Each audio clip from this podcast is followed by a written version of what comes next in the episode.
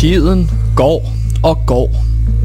Uret på væggen tækker der ud af, og vi skal nå så meget. Vi sidder med en følelse af konstant at være bagud. Hvorfor er jeg ikke længere, og hvorfor er alle andre foran mig?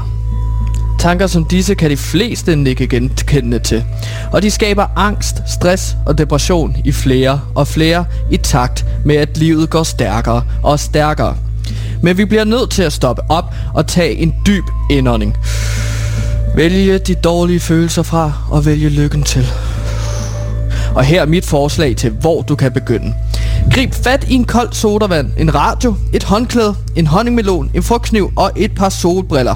Læg dig så ned ved swimmingpool, tænd radioen, nyd livet og mærk din krop. Og når en ung fyr så i starten af 30'erne kommer hen til dig og siger, at du skal forsvinde væk fra poolen, kigger du bare op og fortæller ham, at du vælger lykken til. Når samme fyr så prøver at fortælle dig, at du er gået ind på hans grund, og det er hans pool, fortæller du ham, at du ikke tror på det private ejendomsret, og han bare kan komme an, da du har en frugtkniv, som du ikke er bange for at bruge. Når politiet så ankommer til poolen, springer du over hegnet og flygter ind i en skov, hvor du farer vild uden dit telefon, som du glemte ved poolen. Du ender med at leve af brættedeller og svampe, som du krydser fingre for, ikke er giftige. Du vågner op i skovbunden efter et par dage og fundet, ud af, fundet af en hundelufter, som troede, du var død. Du bliver kørt hjem, lige akkurat i tid til at tage bad, og så ellers tage tilbage på dit arbejde med fornyet energi. Så sig farvel til angst og stress og vælg lykken til i stedet. For i sidste ende skal det hele nok ordne sig. Lev i nuet, for livet er for kort til ikke at have det godt. Velkommen til PewDiePie. Vi er 54 nyheder på 54 minutter.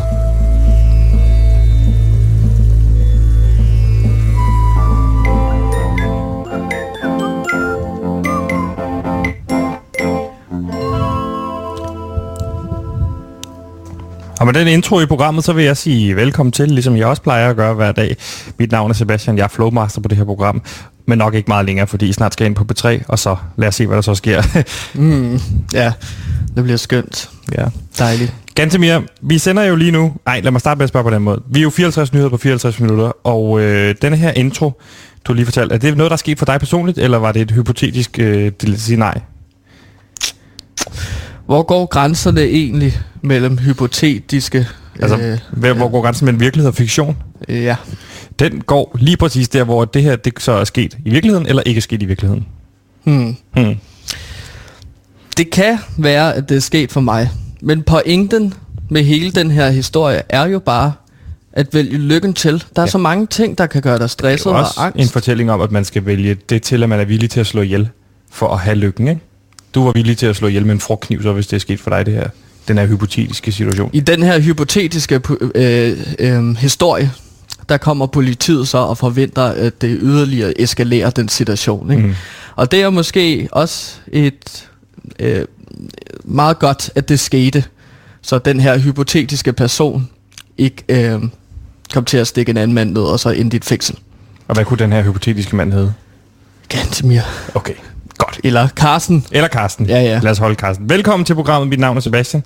Og øh, den stemme, du netop lige har hørt, er min faste researcher og indholdsansvarlig, Gantemir Atogårdsgaard. Velkommen til. Jeg har jo allerede budt dig velkommen. Gantimir har research med os indhold med. Han er nemlig researcher og indholdansvarlig. Gantimir er altid researcher. Lige præcis. Og det er jo fordi, at jeg har researcher indhold med, som, fordi at vi er et program, der har 54 minutter til at lige akkurat nå 54 uh, nyheder. Det er dit nyhedsoverblik, og det har jeg sørget for igennem research og indhold, mine damer og herrer. Velkommen til PewDiePie.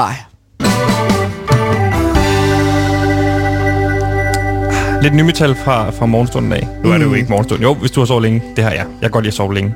Gantemir. Ja? Lad mig starte med lige at, at slå noget fast, fordi det er jo sådan, at vi lige nu øh, ikke befinder os på laut. Jeg ved godt, vi har sagt det hver dag, men for nye lyttere, og dem, de er der jo nogle gange, så er det jo vigtigt lige at få slået fast, hvorfor det er, vi, vi måske også, det lyder lidt anderledes. Det kan være, at man hører noget støj inde ved siden af. Nu håber jeg, at du har været rundt og sige det, fordi ganske mere, vi sender jo hjem fra dig, indtil vi kan få lov til at rykke ind hos Berlingske, hvor vi rykker ind i næste uge på mandag. Ja, og jeg glæder mig simpelthen jeg, så meget til jeg, ind. jeg glæder mig så meget, og jeg kan love dig for, at de lokaler, de er altså super fede.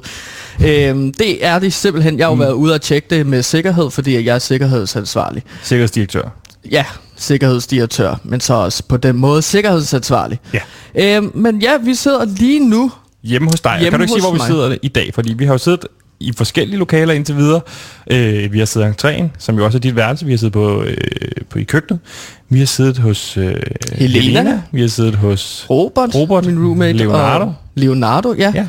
Og i dag, mine damer og herrer, har vi altså rykket ind hos selveste Dofas værelse. Hun Det er her, her Dofa. Øh, jeg, ja. Jeg troede ikke, det var Dofa, der er her. Og det skal jeg fortælle dig, hvorfor jeg ikke troede. Fordi øh, nu er det jo sådan, at du er roomies med Dofa, men der hænger jo Dofa-plakater over det hele inde på værelset. Så jeg troede, det var en af de andre fra kollektivet, vi var inde hos, som var stor fan af Dofas, Dofa. Men ja. det er simpelthen hendes eget værelse, det her. Det er hendes eget værelse. Hende, den up-and-coming popkunstner, som mange er rigtig glade for. Ikke dig. Nej, Nej. nej, nej. Jeg, jeg har også nogle gange gået ind på værelset og faktisk reddet hendes plakater ned. Mm. Fordi at jeg synes, at det er simpelthen den der form for self-love. Det er for meget. Så du er gået ind på hendes værelse og reddet ting ned af hendes væg, Ja. fordi du ikke tror på privat ejendomsret. Ja. Nå, jamen altså, jeg tænker bare, hvis hele lejligheden, vi skal være i send med hinanden, mm. så går det jo ikke, at der er noget inde på ens værelse, eller på et af de fem, øh, en af mine roommates værelser, som jeg ikke synes skal være der. Nej. Øh, selvom at det er deres private værelse. Ikke? Så det er en form for... Men jeg må også give hende, altså... Må, hvem, bliver du, hvem er bliver du sur? Må jeg så vente den om i virkeligheden? Bliver du sur, når folk går ind på dit værelse? Fordi dit værelse er jo en entré, og derfor også gennemgangsværelse til øh, bad og køkken for alle. Ja, jeg kan godt blive ret sur. Okay, Det kan men jeg. det kan gå ud fra, at det har stået i kontrakten, at øh, når dit værelse har været en entré, at det er noget, du skulle forvente. Men altså, jeg, jeg vil bare ønske i det mindste, at folk kunne banke på på den dør, der ligesom går ind til mit Så værelse. de skal banke på inden for deres eget værelse, før de går ud i Ja. entréen. De ved ikke, om du er der. Nej, men de kan jo godt lige banke på, og hvis jeg så ikke svarer, så øh, er det fordi, jeg gerne vil være i fred. og så, så synes jeg bare ikke, at de bare kan vade ind på mit værelse, der er en træen. Altså, men også de- hoveddøren for den sags skyld. De må godt lige banke på. Altså folk skal banke på, inden de går ind ad hoveddøren derhjemme. Ja, lige præcis. Okay, så, så hvad gør de så? Fordi hvis, de, hvis du ikke svarer, og du så ikke vil have, at de kommer ind, når du ikke svarer, så kan de ikke komme ud af deres værelse. Så er de jo fanget derinde. Så kan de ikke komme ud. Hey, men det er jo en af de der problematikker, der er, når man bor fem sammen, ikke? Seks, fem sammen, ikke? Det lyder som om, vi har mange problematikker. Jamen, det er jo problematikker, som vi løser ved, at jeg siger, at de skal øh, lige tage og... Altså, at de lige skal tage og respektere... Privat ejendomsret. er. præcis. Så der, det er jo Jeg troede, du var modstander. værelse. Jeg troede, du var modstander af privat ejendomsret. Jamen, nogle gange er jo forhænger, tilhænger af privat ejendomsret. Øhm, Når det, det kommer til dit eget værelse. Ja, men jeg respekterer også hos andres værelse, men jeg synes bare, at for at vi ligesom kan leve i et godt fællesskab, et godt kollektiv, Så skal de alle sammen respektere dig, og du skal ikke respektere der, dem. jamen jeg respekterer da også dem. Du har da været sagt, du, du har lige sagt, at den plakat, de her plakater, der har du været inde og rive ned ad væggen flere gange. Jamen det er fordi, jeg ikke synes, at de skal hænge i vores lejlighed. og så går jeg ind og river dem ned. Altså, det, er jo, det vil være det samme, hvis øh, Leonardo for eksempel bare stillede en eller anden form for øh, grim plante op, som jeg simpelthen er... Og nu øh, blæste det, så døren lige gik op Ja, jeg der. tror, det er Dofa, der prøver at komme ind, men du har, Ja, du har jeg har lige hele låst på. døren, ja. ja fordi, at jeg, lukket. jeg, fordi jeg lovede dig jo, at vi ikke ville forstyrres den her gang. Ja. Så nu har jeg altså låst os inde på Dofas værelse. Men Dofa er hjemme, simpelthen. Ja, så jeg har låst os inde og låst hende ude, så nu kan hun frit bruge mit værelse. Og det er jo sådan en type, jeg er. Mm. Altså, så lader jeg folk øh, blive på mit værelse, hvis de har brug for det. Det er fantastisk. Og ganske mere, vi er kommet til uh, Jeg dagen. håber ikke, hun skal ud på koncert om lidt, fordi alle hendes øh, instrumenter står her, ikke? Så jeg håber ikke, at hun har en eller anden kontrakt aftale med nogen, Nej. hvor hun skal spille. Et spillejob. Et spillejob. Ja, Det må vi se på. For ganske mere. Vi er jo trods alt et program, der først og fremmest er 54 nyheder på 54 minutter.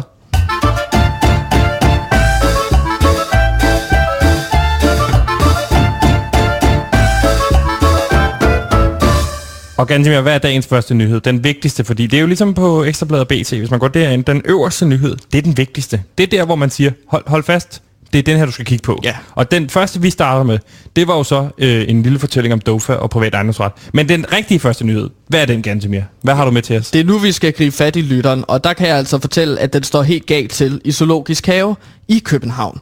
Fordi at der, Sebastian, der mangler de både penge, men de mangler også gæster. Mm. Øh, for lige efter øh, øh, coronakrisen, så er der altså 30% færre gæster, end der var før coronakrisen. Så Okay. folk vælger ikke at gå i zoologisk have, og det er jo et problem. Derfor er de nu i gang med at forsøge sig med frivilligt arbejdskraft. Okay, så du, du, du har både problemet, men du har også løsningen med til os i dag. Det er jo- det er jo sådan en øh, antitese til en nyhed, fordi mange nyheder vælger jo bare at præsentere. Her er der et problem. Ja, det synes jeg er kedelige nyheder. Du har fordi- løsninger med. Ja, fordi at, øh, jeg tænker, at vi kan jo arbejde sammen om en løsning, fordi at vi er jo skrappe journalister med markante holdninger. Så nu er vi i et program, der hedder 54 nyheder med 54 løsninger på 54 minutter. Ja, Ja. lige præcis. Og øh, det, det, det, der kan jeg så lige komme ind med en uh, citat fra administrerende direktør i Zoologisk Have, Jørgen Nielsen, Kom med det. gav til øh, TV2 Løg. Fedt. Den, vi har et problem. Det går af helvede til zoologisk have. Her er løsningen, Gansimir. Værsgo. Ja, jeg vil lige komme med citatet inden løsningen. Så, så kan du selv citere dig selv bagefter. Mm. Lige siden genåbningen i marts er vi været tvunget til at tjekke vores gæster for coronapas, mm. og det har desværre betydet en opadgående spiral i udgifter og nedadgående spiral i antal af gæster og indtjening.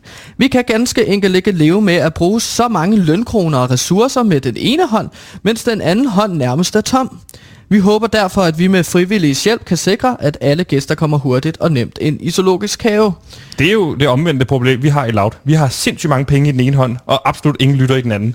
Men det har jo ikke vist sig som sådan at være noget problem hos os. Så jeg, jeg er ikke 100 på, jeg forstår problemet her. Nej, det kan jo godt være svært for os at relatere det, det her problem. Ja. Men når man er øh, journalister, så skal man også kunne affinde sig med at prøve at relatere sig til øh, pøblen. Mm.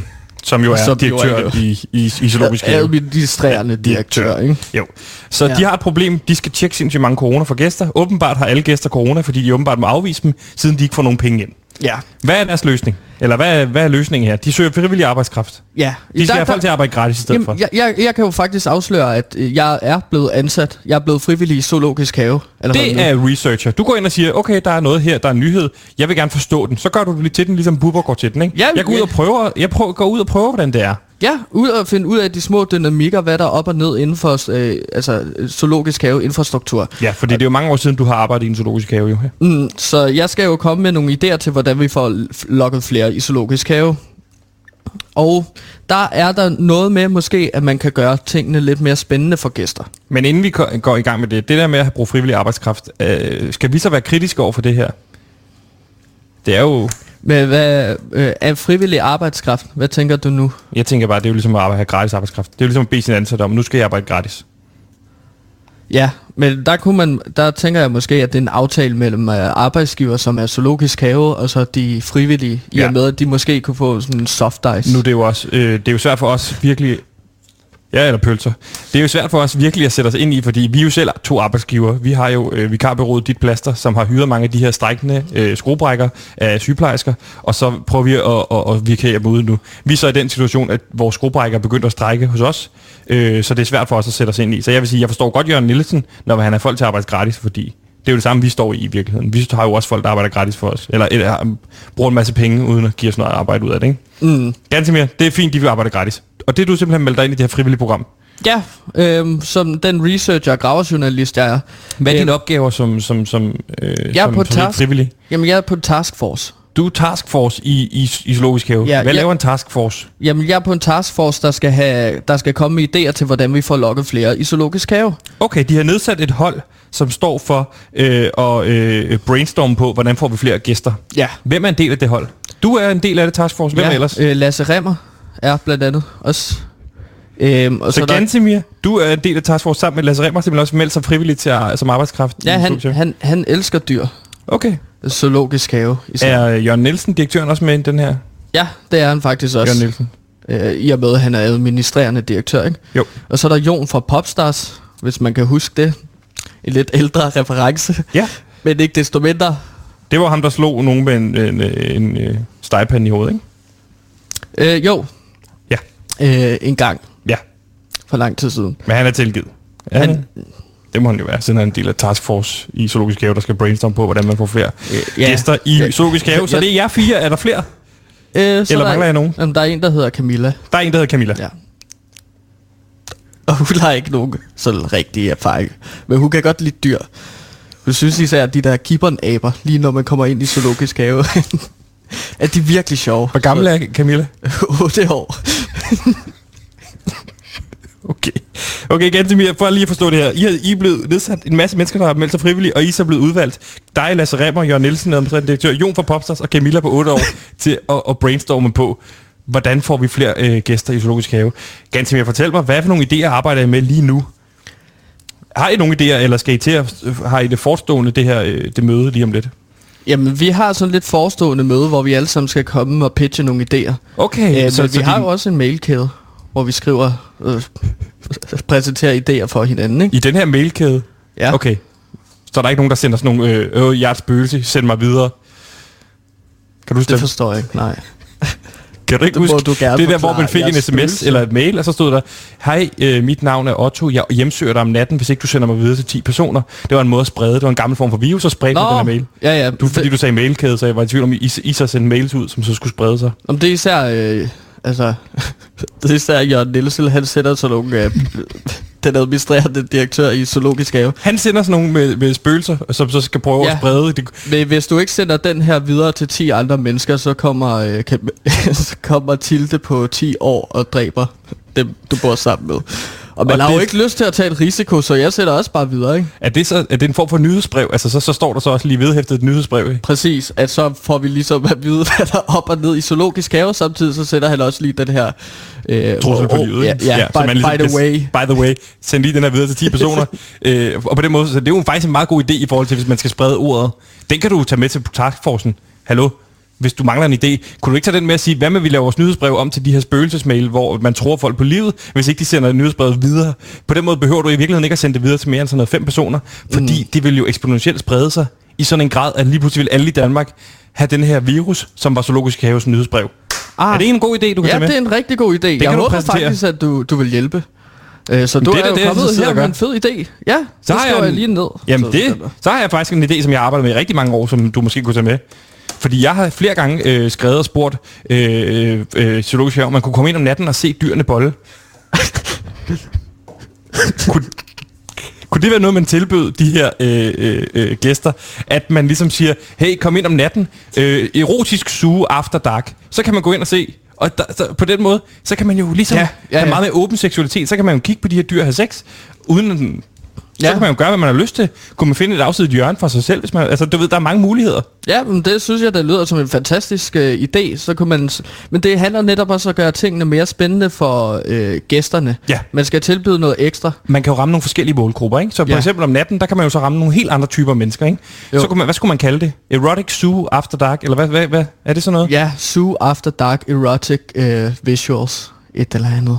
Sådan noget, ikke? Ja, der, der, Det- har det du er lidt idé samme titel, jeg har byttet lidt om på ordene, ikke? Ja, men det er også fordi, at det er mig, der skal præsentere ideen for dem, så jeg skal ligesom kunne stå inden for navnet. Så hvad siger du, dit bud på navnet er? Zoo After Dark Erotic øh, Stories. Erotic Show. Erotic Show. Den vil, jeg, den vil jeg gerne gå med til. Den synes jeg er god. Ja, og så kunne man jo gøre det sådan... Visuelt kunne man også gøre det til special øh, showcase på en eller anden måde, ikke? Mm. Så man kunne have sådan noget fragt neonlys på løverne, for eksempel. Og så kunne man ligesom... Det, ja. Og så, og, og, så- og så kunne man ligesom også spille sådan noget lidt funky R&B, sådan lidt Isaac Hayes-agtigt, gammeldags Curtis Mayfield, hvor det er sådan meget sensuelt og seksuelt.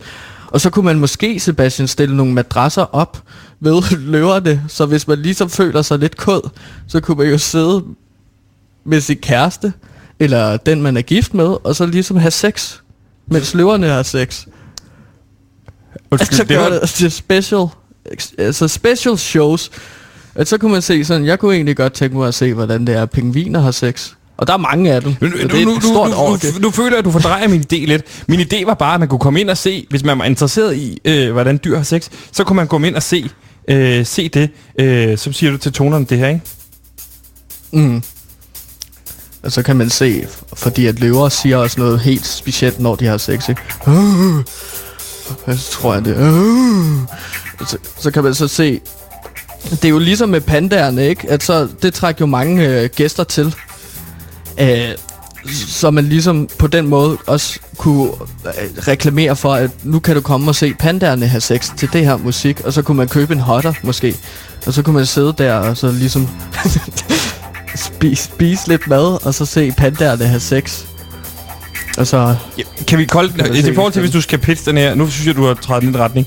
Hvis du kan pitche den her til Lasse Remmer og Jon fra Popstars og, og Jørgen, Jørgen, og så selvfølgelig også Camilla. Selvfølgelig. Så, øh, så lad os holde den til navnet, som er Zoo After Dark Erotic Show. Ja. Og så kan man ligesom sige, kom ind og se det her naturlige fænomen, der er, dyrene har sex.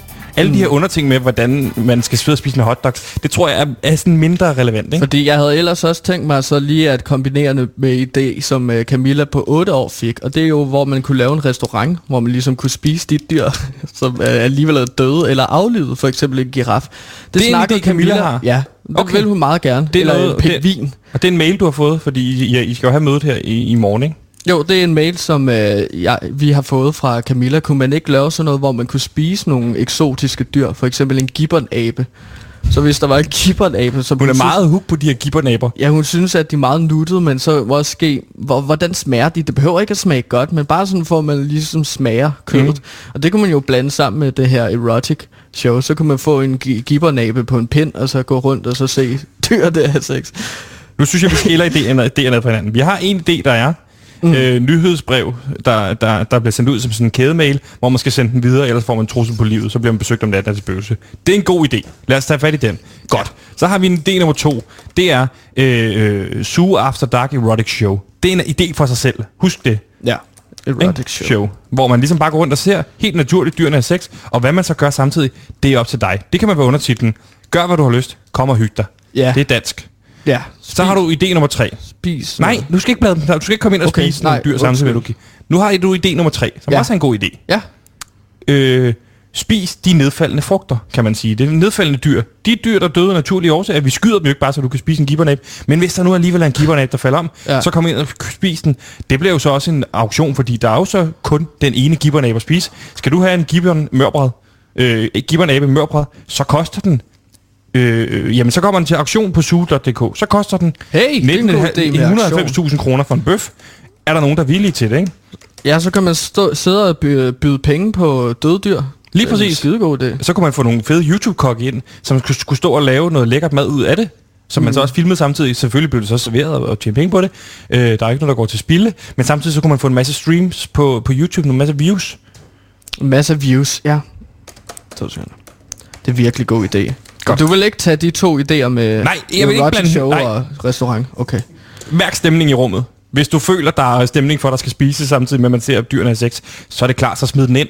Ja, jeg ved heller ikke, hvordan jeg skal prøve at sige det her til Camilla på 8 år, hvis. Nej. jeg skulle blande erotic show og... Men jeg går ud fra, kan hun holde sig for ørerne? Altså, det må sgu da kunne lade sig gøre. hmm. Ja. Men så, så kunne man øh, sikkert... Hun vil blive glad for ideen om, at man kunne spise noget gibbernab. Det er jo en masse idéer, jeg har, og en masse idéer, Camilla har. Har du en eneste idé med på bordet, eller er du bare blevet sat i en taskforce, uden at have nogen idéer? Du må da have en idé. Jamen, jeg foreslog jo, at man kunne lave nogle øh, gladiatorkampe mellem vilde dyr. Hvad? Nå, men så kunne man for eksempel sige sådan, fordi det er også ret populært på internet og på YouTube-videoer og sådan noget. Hey, hvem vil vinde mod. Hvem vil vinde mod en giftslange og en... Øh, og en, øh, Næsehorn. en ja, eller en desmodyr.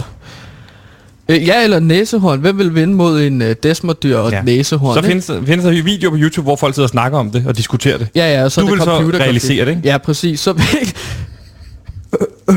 Så vil så du vil ligesom... jeg sætte ind i et lille bur, så vil jeg sætte et desmodyr Nej, ind, det skal og være større bur, hvis det skal være en gladiatorkamp. Så skal du have en arena, så der kan være plads til publikum. Jeg synes, man skal bygge et ministadion inde i det. ministadion. Ministadion, inden, hvis vi skal køre med din idé, inde i Zoo, hvor der, hvor der man kan dagligt komme ind og se gladiatorkampe, se en giraf mod en løve. Det er da spændende.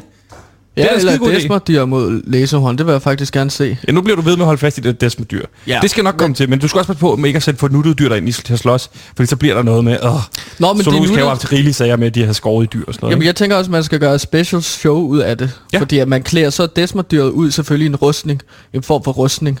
Så ja. og så giver man også næsehornet en hjelm på og sådan noget, ikke? Så så man det lave- ligner gladiatorer. Men så skal man gøre det rigtigt. Så skal man gøre noget. Så skal man også sælge tv-rettighederne til nemt, øh, som så kan købe ind. Så skal man lave en form for turnering struktur, ikke? ja. Øh, hvor man ligesom sørger, at de mødes i knockout-runder, ikke? Så man kan sige, når men der er en masse kampe, ligesom vi ser til Danmark til EM nu, så ser vi indledende runde, giraffen møder en, den er lidt nemmere, en, en det ved jeg ikke, hvad møder en giraffen i første runde? Og det kunne jo sagtens være sådan en bøffel. Bøffel. Okay, det er jo stort at gøre, ikke? For du skal sørge for, at du har nogle dyr, der er seedet, og nogle dyr, der ikke er seedet. Altså de her dyr, der ikke øh, er seedet via en lang kvalifikationsrunde, de er jo ligesom, øh, de er jo ligesom øh, nemmere at ryge ud, fordi man vil gerne have favoritterne tilbage. Du vil gerne have løven, du vil gerne have bøflen, du vil gerne have næsehornet tilbage til de spændende kampe. Ja, ja, de store stjerner. Ikke? Ligesom man gør i Champions League og sådan noget, hvor man sørger for, at de store hold øh, har fordele. Mm. Så vil du lave, sælge rettighederne til kampene, så du vil tv-transmittere ja. dem. Så skal du også have en, der kommenterer kampene. Hvem skal kommentere øh, gladiatorkampen mellem dyrene i Zoologisk Have? Det har jeg allerede tænkt over. Har du det? Flemming Toft. Flemming Toft? Ja. Han kommenterer jo ikke så meget mere. Han skal tilbage.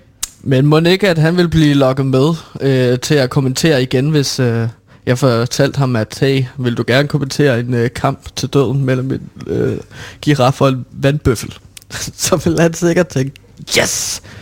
Det lyder genialt. Det er jeg sikker på, at du har bedre styr på i forhold til, at du må kende Flemming Toft bedre, end jeg gør. Men jeg er jo lidt bange for... Jeg havde håbet på Jesper Simo, altså nogen, der vidste noget om det, de talte om. Folk, der laver research, ikke? Jo, men der er Flemming Toft bare rigtig, rigtig folkekær. Det er rigtigt. Øh, men, men jeg er jo lidt mere nervøs for, hvis man så sætter en øh, giraf op mod et vandbøffel, at de bare går rundt og græsser i flere timer. Ja. Så man aldrig rigtig finder ud af, hvem vinder. Og det kan jo også noget cute, hvis man bare ser en giraf i et rustning. Nej, men det er ligesom at se en og en 0 kamp. vandbøffel i en brøndjert, der bare går rundt og græsser. Jamen, det, det, du, det er jo ikke det, publikum er kommet for. Det er ligesom at se Sverige og Ukraine til EM. Du er nødt til at, Ja. der er nødt til at ske, så må, du gå, øh, så må du lave nogle tiltag, der gør, at de kommer i gang. Det synes jeg er en rigtig god idé. Gladiatorkamp, streamet på, på tv, øh, selv rettigheden til Nent, og øh, få Flemming Toft ind som kommentator, sørg for at bygge et kæmpestort stadion til plads til flere tusind, altså gerne Ja, over 70.000, ja. så du kan fylde husene. Så kan du også få drikkevarer samtidig, ganske mere. Og plus du kan sælge tv-rettighederne. Og dyrene skal jo ikke have løn, så på den måde kører det perfekt. Og de Ja, dyr, ja. der så dør, dem kan du sælge over i restauranten. Restauranten, præcis. Det er jo fedt. Altså dem kan du så streame views på YouTube. Og hvis dyr parer sig med hinanden, så føder de jo børn, og så får man altid... Altså, Lige præcis. Det er et økosystem, som fungerer til punkt og prikke. Du, jeg du skal, har det du så skal, fedt. Du skal, du skal præ- præsentere den her rækkefølge. 1. Lad os starte med kædemailen. Så spreder vi en virus, der hedder vores nyhedsbrev. Ikke? 2. Så går du over i den her idé. Hvad med, at vi øh, laver denne her form for øh, gladiatorkamp? Så siger de, spændende. Hvad skal vi gøre med de døde dyr? Dem spiser vi på restauranten. Spændende. Det var Camillas idé jo. Ja, ja. Siger Og- jeg. Ja, ja. Lad en pej for meget på Camilla, når er. Og så efter det, men hvordan sikrer vi så, at vi får helt så nye dyr? Zoo After Dark Erotic Show, hvor vi opildner dyrene til, når vi hører noget Isaac Hayes og sådan noget, til at have lidt mere sex. Ja, præcis. Og der er sikkert også nogle dyr, der godt kan lide, at folk der kigger på. Ja, det tror jeg, at dyr, de, de synes er meget skønt. Jeg har en aller, aller, aller, aller sidste idé. Den skal fandme være god, før den kommer med her nu. Det er, at vi til Halloween, der klæder vi dyr ud som andre dyr. så, Det er, nu er du ude i en niche-idé. Det er en så du har niche-idé, en det her. chimpanse, der er klædt ud som en knu. Så du giver den horn på, og så kan man gå ind. Hov, vi skal hen i chimpanseburet. Hov, hvad er det her? Er det knuburet? Nej, nej, fordi det er chimpanser, der klæder sig ud som knu. Og hvor, hvem er det, der får noget ud af det her, siger du? For ud af, hvad? For noget ud af det? Men, hvis det skal tiltrække flere folk, er det fordi folk gerne vil se dyr klædt ud som andre dyr? Det kunne er det være din oplevelse? Det kunne da være skægt. Så bedøver du lige alle dyrene, så du kan putte kostymer på dem. Altså, så de ligger og sover, og så Mm. giver du dem kostume på, så et næsehorn i virkeligheden får, får nogle ekstra ben på, så det bliver en æderkop. Og så kan man se så virkelig store æderkopper gå rundt. Det tror jeg, at folk vil elske. Men er vi ude i, at de skal klædes ud meget naturalistisk, eller skal de klædes ud, så det er sådan cute? Altså, du ved, en, øh, en, en hest med nogle øh, øh, rensdyrhorn, øh, nuttede rensdyrting på i julen, ikke? Er det sådan noget, eller er det, vil du gerne have, at folk skal tro, der er en kæmpe æderkop med sin i virkeligheden næsehorn? Jeg er lidt i tvivl, hvad du vil med den her idé, Gantemir. Nå, men altså, jeg synes bare, at de skal... Det kunne være sjovt, hvis man lige kunne give folk sådan en su- sug i maven. Åh, oh, jeg troede, at jeg var, øh, jeg, jeg var inde og se flagmusene herinde. Det er en hest i virkeligheden. Nå, Gantemir, den, så den det idé... er heste, der flyver rundt. Jeg kan, jeg kan godt se, du... Gantemir, kan du huske det, der vi har snakket om med Kill Your Ja, Darlings? hvor er det fedt. Ja, jeg, jeg, jeg, synes, jeg synes, det er en fin idé. Jeg synes, du skal mærke rummet af, om det er noget. Jeg synes, du skal tage de fire andre idéer, vi havde. Øh, Og så jeg, det der med at klæde flagmus ud som heste. Jeg glæder mig bare til at se reaktioner på, på folk, der kommer ind i det der mørke rum, fordi at flagmus er nede i jule. Hvorfor er der alle de her små heste, der flyver rundt? Jeg forstår det ikke. Nej, den idé, Og- den, idé, kan du ikke sørge for at give den til Lasse Remmer, så Lasse Remmer præsenterer den. For hvis den falder til jorden, så falder det ikke tilbage på dig. Nej, jeg synes, de det- fire andre idéer er stærkere. Vi har Zoo Blue After Dark Erotic Show. Ja. Vi har restauranten, der serverer døde dyr, der alligevel er døde. Øh, så har vi de dør, dyr, dyr dør jo af en årsag, og det gør de, fordi de kæmper gladiator, gladiatorkamp i et kæmpestort tv-show, Mm, ja. øh, som også bliver vist live. Og så har vi selvfølgelig til sidst øh, virusmailen, der skal sprede sig nyhedsbrev. Ja. Det er det, vi gør ganske mere, okay? Yes.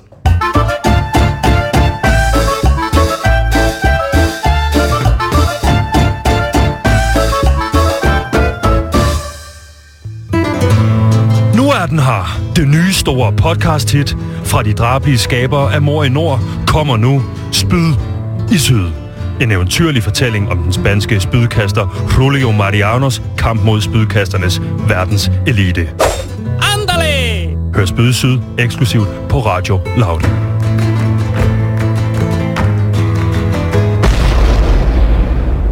Godt, Gantemir. Det er jo vores nye stil, ikke? 54 nyheder, 54 løsninger på 54 minutter. Ja. Der var den første nyhed med den første løsning på et minut. Jamen, det er jo så, så, så, så nemt er det ikke, at lave radio i virkeligheden. Øh, Det er ikke noget, som I lytter måske kan finde ud af, sådan lige at komme ind. Men Nej. når Der sidder nok nogle unge mennesker, der ikke kan finde ud af så meget derude lige nu. Øh, det kan være, at I kommer til det. Det kan også være, at I ikke kommer til det. Og så skal I bare være helt normale mennesker, der ikke er værd at høre på. Men weekend, Samir, er jo værd at høre på. Og du har taget en nyhed med mere. Jeg har ikke rigtig forberedt noget til i dag. Nej. Altså, jeg, øh, det der bliver snakket meget om lige nu, det er jo ham her, John McAfee. Øh, fordi at den 23. Hvem er John McAfee? Jamen, han var antivirus-pioner og meget skandaleramt. Okay. En, kon- øh, en øh, meget, hvad hedder det, kontroversiel størrelse. Han Fedt. opfandt antivirusprogrammet McAfee sidst i 80'erne. Okay, det kan jeg godt huske. Jeg har også haft McAfee vi- antivirusprogram på min uh, computer. Ja, Det virkede ikke rigtigt. Nå. Der er meget virus, der kan komme igennem alligevel.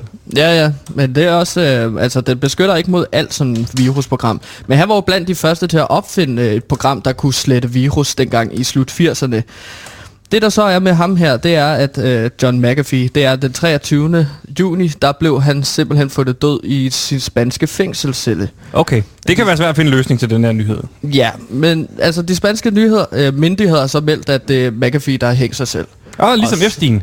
Ja, men så begynder konspirationsteorier at gå i gang selvfølgelig, fordi at han var jo, øh, han var jo øh, meget spændende mand. Øhm, der er en masse skandaløse historier, der følger med McAfee.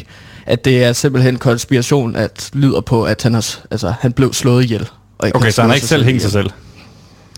Øhm, ja, det er det, konspirationen går ud på, ikke? Nej, Men altså, ligesom Epstein.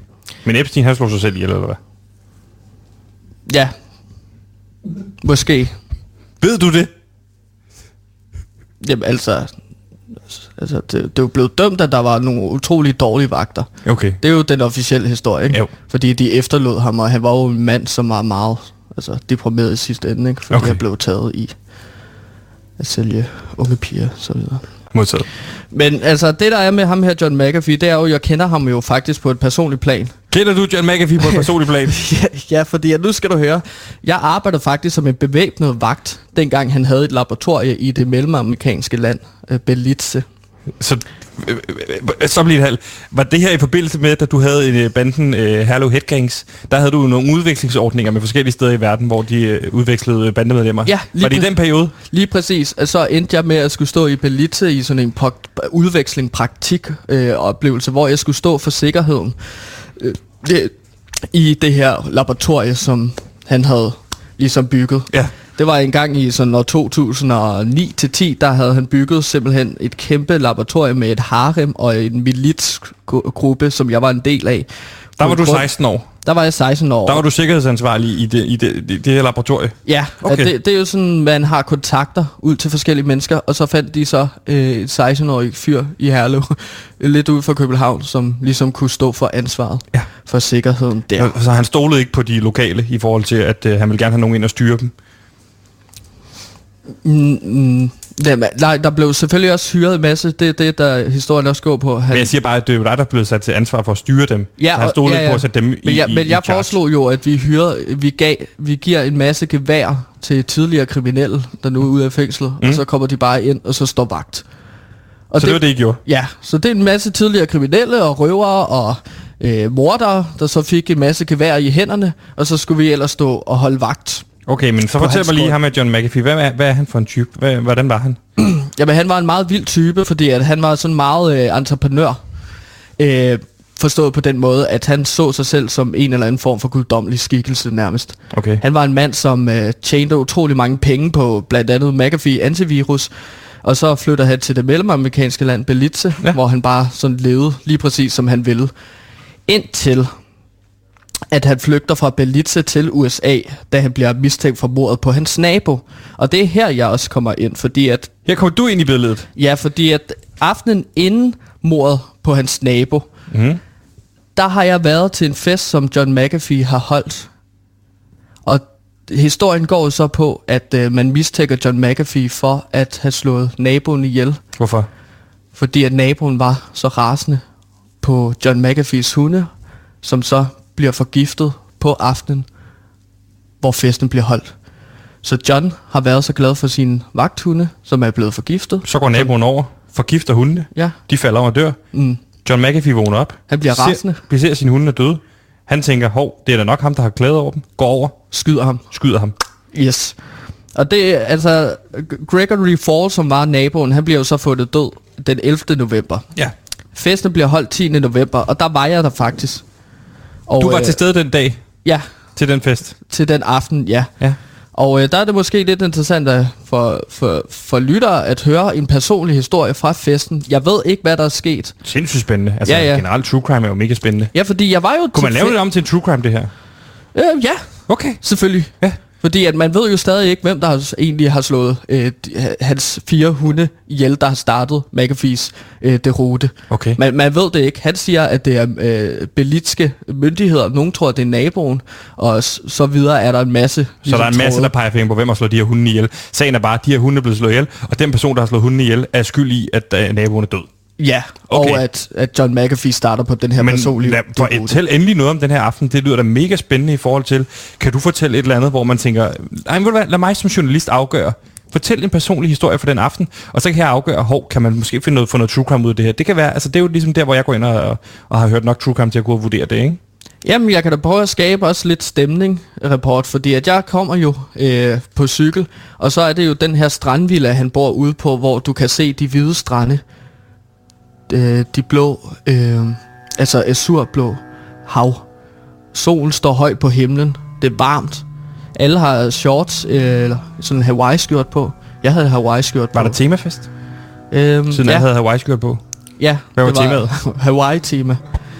Okay, så giver det god mening, at folk har Hawaii-skjort Ja, på. præcis. Ja. Så folk havde også en blomsterkrans på. Og så var det ellers... Øh, Skulle man så danse den der hawaiianske dans? ja, så var der sådan en stole, dan, eller stopdans. Stopdans? Og alle skulle danse den her øh, hula-hula-dans. Ja. Hvor mange var I til festen? Vi var øh, 57 mennesker. Og det har du talt på, fordi du er jo sikkerhedsansvarlig. Ja, så jeg stod jo også lidt for sikkerheden og øh, skulle sørge for, at alle havde det godt, og der ikke var nogen, der kom lige pludselig og for eksempel forgiftede hundene. Ja. Og der, den, den, den rolle lyder jeg så ikke op til. Nej, og det var sige, derfor, du smuttede dagen efter. Ja, der smuttede jeg så hjem. Også Ja. fordi jeg havde aftjent min øh, øh, praktikperiode som Okay. ungarbejder, ikke? Var der ECTS-point i det?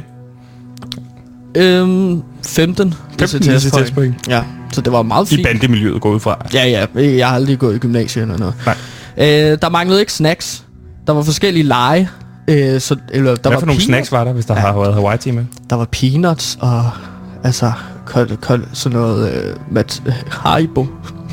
havde han bestilt et til Belize. Det var han meget glad for. Sådan noget Var der en særlig pose Haribo, han var glad for? Jamen, det var stjernemix. stjernemix var han utrolig glad for. Okay. Og så var der bacon snacks. Bacon chips eller snacks? Bacon. der var både bacon, sådan krømmel, og så var der bacon chips, og så var der bacon næse til, hvis, til dressing, hvis man lige ville putte lidt bacon næse på sin øh, Haribo mix. Der var rigeligt med snacks til det her Hawaii-tema, og masser af bacon. Det lyder, lyder lækkert. Hvad sker der så til aften? Lad os prøve at høre mindre om snacksen og mere om, øh, hvad der skete. Jamen altså, der sker så det, at øh, en af de andre, der så også er med til festen. Mm. og det er måske lidt mistænkeligt, men han hedder Peter Norton. Peter Norton. Og Norton, han er jo så øh, opfinderen af an- Norton Antivirus. Så opfinderen af en andet antivirusprogram er der. Ja, og det De bliver også venner? opfundet i slut 80'erne. Var de, de venner eller riva- rivaler? De er venner, men jeg blev også bedt om at holde et godt øje til ham, fordi de var jo nemlig rivaler. Så det var sådan... Jeg forstår det ikke, er de venner eller er de rivaler? Nå, men du ved, hvor, altså sådan, Okay, så inden for... altså han er inden jo for, inviteret til festen, men det er stadig, det har konkurrence med Inden for hinanden, det her sa- saying, der hedder Keep your friends close. Keep your uh, lesser friends even closer. Ja, yeah, enemies even closer. Ja. Okay. Præcis. Og så, så det er inden for den, man kan sige. Der var en venskabelig tone, men inderst inde ved han godt, han var rival. Ja. Peter Norton var der. Så-. Det synes jeg allerede er hovedmistænkt, hvis jeg skal vurdere det ud fra. Præ- præcis, fordi at det der så sker, det er, at der bliver drukket, der bliver drukket, og folk bliver lidt mere fulde, så de kommer op og råber hinanden, de skændes. Og de er så, Det er sådan en rowdy party. ja, præcis, så de skubber lidt til hinanden, og der kommer jeg så ind, og så får dem skilt ad som 16-årige, de her to, på det tidspunkt uh, slut 60'erne Ja. mænd, ikke? Jo. Hvad siger du til dem? Jeg siger, kan I så slappe af? På dansk? Yes, ja, i starten. Og Ja. så finder jeg ud af, når nej, de er amerikanere begge to. Ja. Would you kindly relax? Og så er det sådan, at, at, at de kan godt se, at folk har også våben med, fordi han var jo våben. rock and roll. Ja, du har våben, ikke? Jamen, jeg står der med min AK-47, Ja. klar til at plukke nogen. altså, Bare jeg, nogen, for ligesom, var det for at vise, at du var villig til at... at, at slå ihjel. Ja. ja, præcis. Okay. Og det, der så sker, det er, at de beslutter sig for at afgøre det i ringen. Ja. På en Nå, måde. okay. Ja, så de har det her konkurrence, så det, som så sker, det er, at de sætter to computer op. Øh, Inde i en boksering. ja, Han har en boksering. Han har en boksering. Øh, han, ha- han havde jo alting. Han var Ja, okay. rigmand. Han havde jo flere millioner og det, øh, penge. Dollars. Og så sætter de to computer mod hinanden, og så laver de det. Øh, for- Forresten, alle festens deltagere står rundt om ringen og Ja, hæpper og, og kaster penge hæpper. ind. Ikke? Så det, de laver, det er et hacking battle. Okay, så skaberen bag McAfee antivirusprogrammet og, og skaberen bag Norton antivirusprogrammet skal så dyste i et hvad? De skal Øh, hacking. Ja, de skal prøve at hacke hinanden samtidig med, at de afviser hinandens hackeangreb. Ikke? Okay, har man for eksempel set The Social Network, så vil man vide, der foregår de her, øh, hvor man programmerer og fester samtidig mm. og dyster sådan. Men det, det er simpelthen øh, nørderne, der kæmper på den måde der. Det er jo nørderne, der Fordi kæmper også på almindelige måde. mennesker, vi vil jo tage den i ringen, så vil vi jo slås, ikke? Jo, men her er de lidt mere nørdet mm. på en eller anden måde. Og der må jeg sige, at John McAfee faktisk vandt. Han vinder. Ja, så han var faktisk op at køre med Peter Norton. Hvor hurtigt går det her? Altså, hvor hurtigt vinder han over ham? Jamen, det tager jo øh, 45 minutter. Det er 45 minutter, hvor de sidder og hacker hinanden. Ja, Okay. der er, altså, du nævnte du Social Network Ja. filmen. Det, det der, filmen er jo også inspireret af den her hacking battle, Okay. der er mellem John McAfee og Peter Norton. Spændende. Det der så sker efter hacking battle, det er at Peter Norton, han er rasende. Så han går jo rundt og virkelig grubler. Okay, resten, ikke? hold nu øje med ham, Ja, hold nu øje med Kunne ham. han finde på at gøre noget med hundene? Ja, og det er det, jeg tænker. Så jeg Ja. går selvfølgelig udenfor og ryger en smøg Ja. og ser øh, til hundene. Og Der er de i live. Der er de i live, ja. Godt. Alle fire hunde. Øh, der er en, der hedder Mellow, og så er der en, der hedder Lucky. Og så kan jeg ikke huske navn. Daisy er der også en, der Lucky, not so lucky after this night. Ja, og, lige præcis. Så de, de der hunde, de er jo egentlig meget søde, så de kravler op på maven, og jeg har det meget fint. det er Du ligger sådan- dernede og ryger cigaretter, Ja. mens de kravler rundt på dig. Ja, og det er så fantastisk. Det er så fantastisk, og de leger lidt med mit arm i forhold til lige at bide lidt i den og Okay. trække i den, ikke? Og jeg har det meget, meget festligt, ikke? Øhm, og så, så bliver de så, øh, ja, de er så søde, så jeg tænker, åh, de skal bruge en snack. Så jeg tager min KitKat frem. Og så pakker jeg den her chokoladeslack med kiks, chokoladekiks, ikke? Ja. Og så begynder jeg at fodre dem alle med sådan en pakke KitKat hver. Hvor, meget- hvor meget, siger du, hvor meget KitKat giver du hver hund? Jeg havde så meget KitKat på mig, Hvorfor fordi har du jeg så var også KitKat snackansvarlig. Jamen, jeg var snackansvarlig, og så havde jeg glemt at tømme lommerne med KitKat til festen. Så jeg havde sådan, jeg har lyst til at sige to kilo KitKat, som jeg fodrede de her fire hunde med. Så de får jo flere Så du pakker har to KitKat kilo KitKat på dig, som du ikke aner, at du har haft på dig. Ja, lige præcis. Og det giver du til hundene? Ja, lige præcis. Og, og så, øh, de, de er jo glade for snacken, og jeg ryger så min smøg færdig. Øh, og så tænker jeg, ved du hvad, de har det skønt, de hunde. Jeg går lige ind og holder lidt øje med ham, Peter Norton. Og så går jeg ind til festen, og der er Peter Norton øh, stadig til festen. Ja. Og øh, der er det så blevet så sent, og min vagt er overstået, så jeg tager egentlig bare hjem. Så der tager du hjem til Danmark. Ja. Og så, så, så jeg ved jo faktisk ikke, hvem der slog hundene ihjel, der startede den her derute for John Mac- McAfee. Øh, Ganske men, men hvis jeg mistænker lidt Peter Norton. Ja, er... Jeg tror ikke, vi skal lave den her true crime ganske mere. Fordi Nej. altså, hunden kan jo ikke tåle chokolade. Så, så hvis de her hunde øh, har spist to kilo chokolade, så er, de jo, så er det jo dig, der har forgiftet dem og dræbt dem. Øhm, Jo, hunde kan jo godt tåle chokolade. Altså, de var jo live, da jeg gik derfra, ikke? Nå, men der kunne godt have en reaktionstid. Der går lidt tid, men hvis du har givet dem to kilo chokolade til deling. Nå, men Kit, KitKat er jo kun... De er jo ikke giftige for hunde, fordi det netop er KitKat. Er det ikke også noget? En eller anden ting? At hvad? At det er giftigt for katte, men ikke for hunde? Oh, hvor, hvem har fortalt dig, at KitKat er... Øh. Eller er det fordi, at Kit, KitKat er giftig for hunden, fordi det er KitKat? Nej, fordi kat er det har ikke noget med kat at gøre. Det er et navn til en chokolade. Chokolade er giftigt for hunden. Hvis du har givet chokolade Men- til hundene, så er Men de det er fordi, det er KitKat.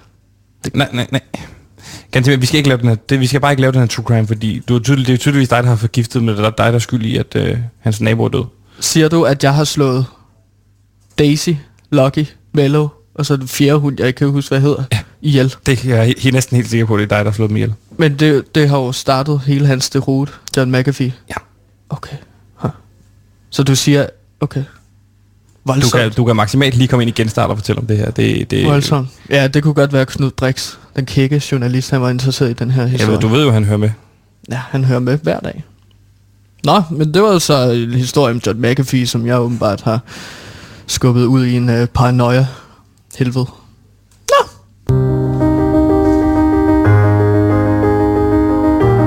Nu er den her. Den næste uforglemmelige podcastserie. Fra skaberne bag Mor i Nord og Spød i Syd kommer nu Hest i Vest. En tårperser om den unge fjordhest Hvide Lyns flugt fra Østberlin til Vestberlin. En podcastserie på 26 afsnit. Hør Hest i Vest eksklusivt på Radio Loud.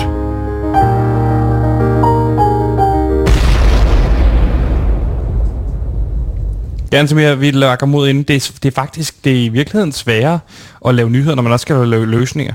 Du, nu havde du heller ikke rigtig nogen løsning med til den her nyhed. Nej. Øhm, jeg troede lidt, jeg havde en løsning i form af, at jeg vidste, hvem det var, der havde slået hunde ihjel. Peter Du troede, det var Norton. Peter Norton. Øhm, ja. Men det, det er jo så mig, siger du. Fordi at hunden ikke kan tåle chokolade. Ja. Det er så, Så- vildt, hva'? Ja, livet går, går sin gang. Ganske mere, Ja. vi jo, øh, noget vi jo ynder at gøre her i, mod, mod slutningen af programmet, det er jo at tage fat i lytterne. Lige tale lidt med dem. Ja. Tale til dem, tale om dem, og tale med dem. Og det er vigtigt at gøre. Og ganske mere, det gør vi jo, øh, i det, da vi ikke har nogen lytter igennem den her Lyttertron Robot 3000.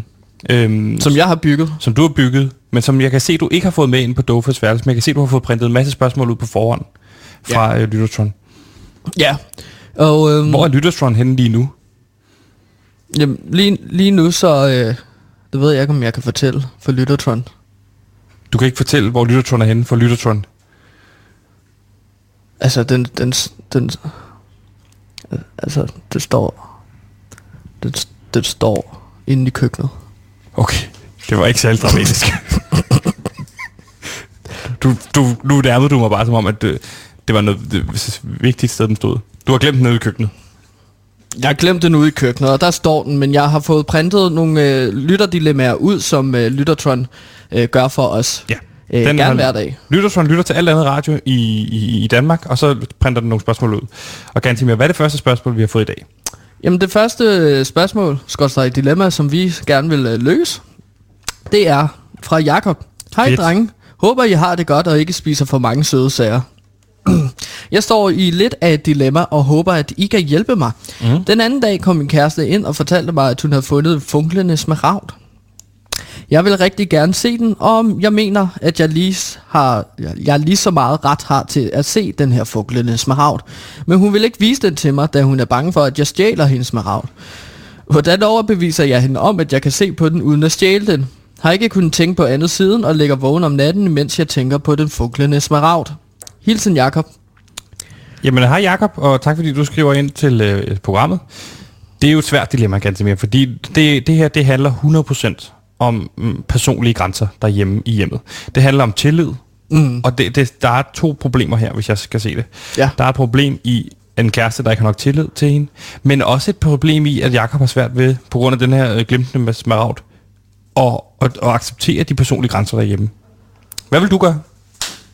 Du Jamen- har jo haft flere kærester. Hvad, hvordan vil du håndtere sådan en Om situation? det her? har du jo også været. Det er ikke fordi, jeg skal sidde her og blære mig. Nej, nej. Øhm, men altså, jeg, jeg tænker jo netop om, at du skal jo forestille dig en fremtid med hende. Øh, i og Skal med, jeg at de forestille mig det? kærester. Nå nej, men Jakob Jakob skal forestille sig ja, at I skal forestille jer en fremtid sammen, hvor I er kærester. Og på den måde, så kan man sige, at hvis hun ikke, ikke stoler på, at hun kan vise dig noget værdifuldt, som den her funklende smaragd er, Så, så, øh, så stoler hun jo ikke nok på dig. så problemet er måske i sammen virkeligheden Jakob. Problemet er, at Jakob tidligere måske har stjålet fra hende. Ja, det kunne da sagtens være, at, øh, at så, så han stjålet en eller anden form for, måske en funklende diamant, eller... Hvad pro- hvad er løsningen her, Gantemir? Den er jo svær, fordi at, at, at nu, nu har hun sat ham ind i en boks, hvor... Jeg er ikke interesseret i at vide, hvorfor den er svær. Jeg er interesseret i at vide, hvad der skal gøres. Når man så slår op med hende. Godt. Fuck. Jakob, slå Fuck op, it. ja, slå op med hende. Slå op med Og, hende. eller stjæl hendes marag på vejen, ikke? Jo, gør det. Så selv den. Fedt. Jeg får et øh, spørgsmål her, Gantemir. Ja, værsgo. Tak. Hej Sepper og Gantemir, tak for et program. Der kunne godt lige, der kunne Et godt program, måske. Godt lige skrevet et godt program. Ja. Tak for et program. Det er det jo. Jeg står Mm. i den situation, at jeg skal til en studenterfest hos en fyr, som jeg er en smule forelsket i. Problemet er bare, at min far, som er videnskabsmand, har skrumpet mine, mig og mine to brødre ned til, at vi nu er på størrelse med en myre. Hvad gør jeg her? Hvordan får jeg min normale størrelse tilbage inden festen i næste uge? Og hvordan flygter man bedst muligt fra en rotte, som jagter en rundt på køkkengulvet? Hilsen Mona. Og der har vi jo tidligere behandlet dilemma for Monas far, som jo er kommet til at skrubbe sine børn.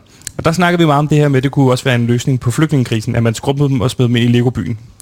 De her flygtninge, der kommer til landet. Ja. Men nu står vi jo i en situation, hvor vi får et spørgsmål lige pludselig fra en af de små Ja. øh, mennesker, kan man sige. Det må man gerne kalde dem. Øh, Ja, fordi de er faktisk super små. de er super små i De er forhold på til os andre. størrelse med en myre, ikke? Jo. Øhm, jamen altså... Myremenneskerne. Det må man ikke kalde dem. Nej, det lyder sådan lidt uh, discriminating. Ja. Øhm, jamen altså, hvordan får du din normale størrelse tilbage inden festen? Spørgsmålet er, om faren har øh, en knap på, på pistolen, der gør, at den kan uns- unscrump, altså til skrumpe, Tilbageskrumpe, tilbageskrumpe. Ja. Altså, du bliver nødt til at finde din far. Din far er den eneste, der har løsningen på det her problem. Ja. Så han må skulle da kunne finde ud af, hvordan han gør jer større igen, så du kan nå at kysse den her fyr, som du er forelsket i. ja. Og det er jo også i virkeligheden et spørgsmål omkring, hvordan for, skal man tale med sine familiemedlemmer? Og ja, det skal man. Tal med din far. Hvem mindre han, drik, han har fået for meget en søndag. Så lad være med at gå ind til ham. Det er i hvert fald min erfaring. Ja. Ja, modtaget. Øhm, Du har jo ikke så mange erfaringer med din far, da han jo smuttede i en tidlig alder. Ja, det kan vi da godt snakke om lidt nu, hvis det er. Vores øh, fædre. Men jeg vil også bare lige vende tilbage til det her, hvordan flygter man bedst fra en rotte, som jagter en rundt på et køkken? Det er jo to delt spørgsmål. Lad os fokusere på det her, fordi det svære er jo, hvis hun, hun jo ikke selv er videnskabskvinde, så kan det være svært at finde en pistol. Men kan du vi ved til give hende nogle råd til, hvordan hun flygter fra en rotte på et gulv? Det du kan gøre, det er, at du øh, laver en form for fælde. Øh, du tager nogle tandstikker. Det tror jeg godt, du kan løfte med den størrelse, du har. Ja. Muligvis. Ellers få hjælp af dine to brødre, de er jo også skrumpet, ikke? Ja, præcis. Så du tager nogle tandstikker. Og så, så kæmper du mod øh, rotten. Nej, nej, fordi det bliver også svært, fordi at den er super stor, sådan en rotte. Og hvis du skal, du, øh, sådan en tandstik er også virkelig stor, hvis du er på den her størrelse. Det er rigtigt. Så du skal prøve at lave en fælde, hvor du så løber under øh, tandstikkerne, sådan så rotten på en eller anden måde løber ind i tandstikkerne, og så får prikket øjnene ud, eller sådan noget. Og det er så der, at du angriber rotten. Med for eksempel, jeg ved ikke, hvad man kan gøre nu. Hv- Hvis den er under bordet, så få en af dine øh, brødre til ligesom at skubbe en gaffel Ned fra bordet. Så den bare lige rammer ned i Spide, rottens hoved. spide rotten. Ja, så det gælder om øh, planlægning, organisering og øh, kynisme. Du skal slå et andet dyr ihjel, ikke? Jo, Før den slår dig ihjel. lige præcis. Men Det er jo noget, noget vi har erfaring med. Så, så rådet herfra til, til Mona bliver, det er svært det her med, øh, med at gøre dig større. Det bliver noget med at tage fat i din far og lige snakke med ham. Øh, få talt en lille smule med ham. Og det andet i forhold til at flygte fra en rotte, øh, det, det handler om, Gantemir, helt kort, få spidet øjnene ud på den, så den er blind, få den mm. lokket hen via dufte til bordet, og få dine brødre til at skubbe en gaffel ud over bordet, som så vil spide den til ihjel. ja, lige præcis. Det er en skarp gaffel, der skal være der, ikke? Jo, det kan også være en kniv. Mm. Det ved jeg ikke, hvad, hvad foretrækker du, kære Mone? Så kan du skrive ind igen, og så kan du fortælle os, om øh, det lykkes dig at slå den her rotte ihjel. Ja. Det lyder jo farligt. Øh, rotteproblemer, det er altid noget lort. Det er noget lort. Har du prøvet sådan rotteproblemer? Nej. Nogensinde? Okay. Det er jeg. Jeg engang slås med otte rotter, da jeg var lille. Nå. Nede i kælderen. der var jeg blevet låst ned, fordi at jeg skulle lære at spise he- alting op på min tallerken. Og så havde vi et rotteproblem, og så bliver man ligesom nødt til at... Ja, fordi du fik tallerkenen med ned. Du har fortalt en historie mange gange til mig, ude, når vi får frokost. når du siger, at jeg ikke spiser op. Så fik du tallerkenen med ned. Det tiltræk en masse rotter. Og du havde en kamp over en uge i sådan din sommerferie med de her otte rotter. Mm. Øh, fordi det var dig, der skulle spise op, og ikke rotterne. I må gerne kalde mig rottedræber derude. For hold kæft, jeg har slået mange af dem ihjel. Det har du nemlig. Ganske med. Det bliver også alt, hvad vi når i, øh, i dagens program her. Hvad er, hvad vi har været vidt omkring? Zoologisk have især. Du skal til møde i morgen. Jeg skal Eller er til det, møde er det i aften? Det er i aften, faktisk. Det, er, er du sikker, at det er i aften, eller er det i morgen? Det skal jeg finde ud af selvfølgelig først. Jeg håber ikke, at det var i går. Så har vi brugt 25 minutter på at snakke om noget, som jeg skulle have brugt i går. To sekunder. Jeg finder lige mailen frem. Nå, Jørgen Nielsen, han har sendt en ny mail. Og der er den klassiske, jeg skal sende en mail til 10 personer. Ellers så dør jeg i morgen. Okay. Okay, det, er- det er i morgen. Det er i Jeg morgen. skal øh, til møde. I morgen ja. tidlig? Mm. Fedt. Det skal du bare lige huske på, Gansby, fordi vi har jo også, øh, vi skal også i P3 i morgen jo. Ja, og jeg glæder mig som et lille barn til at komme derud. Det må du da også gøre. Tror du, du kommer til at sove i Ja, nat? jeg skal ikke tale om det, fordi så får jeg tyndskid igen. Ganske vi skal holde fuld fokus på, øh, på, på, på vores eget program også. Det var alt, hvad vi nåede i dagens udsendelse. Tak fordi I har lyttet med i det, vi har fået at vide, vi skal kalde Beauty Pie. Ganske du har været min research og indholdsansvarlig, og så har vi selvfølgelig også haft producer Simon med øh, hjemmefra. Han er med på sådan en lille Zoom-recorder. Tusind tak, fordi I lyttede med. Du får lige en mail, Sebastian. Ja, det er fint. Fra Jørgen Nielsen. Nej, ikke den vil jeg ikke have.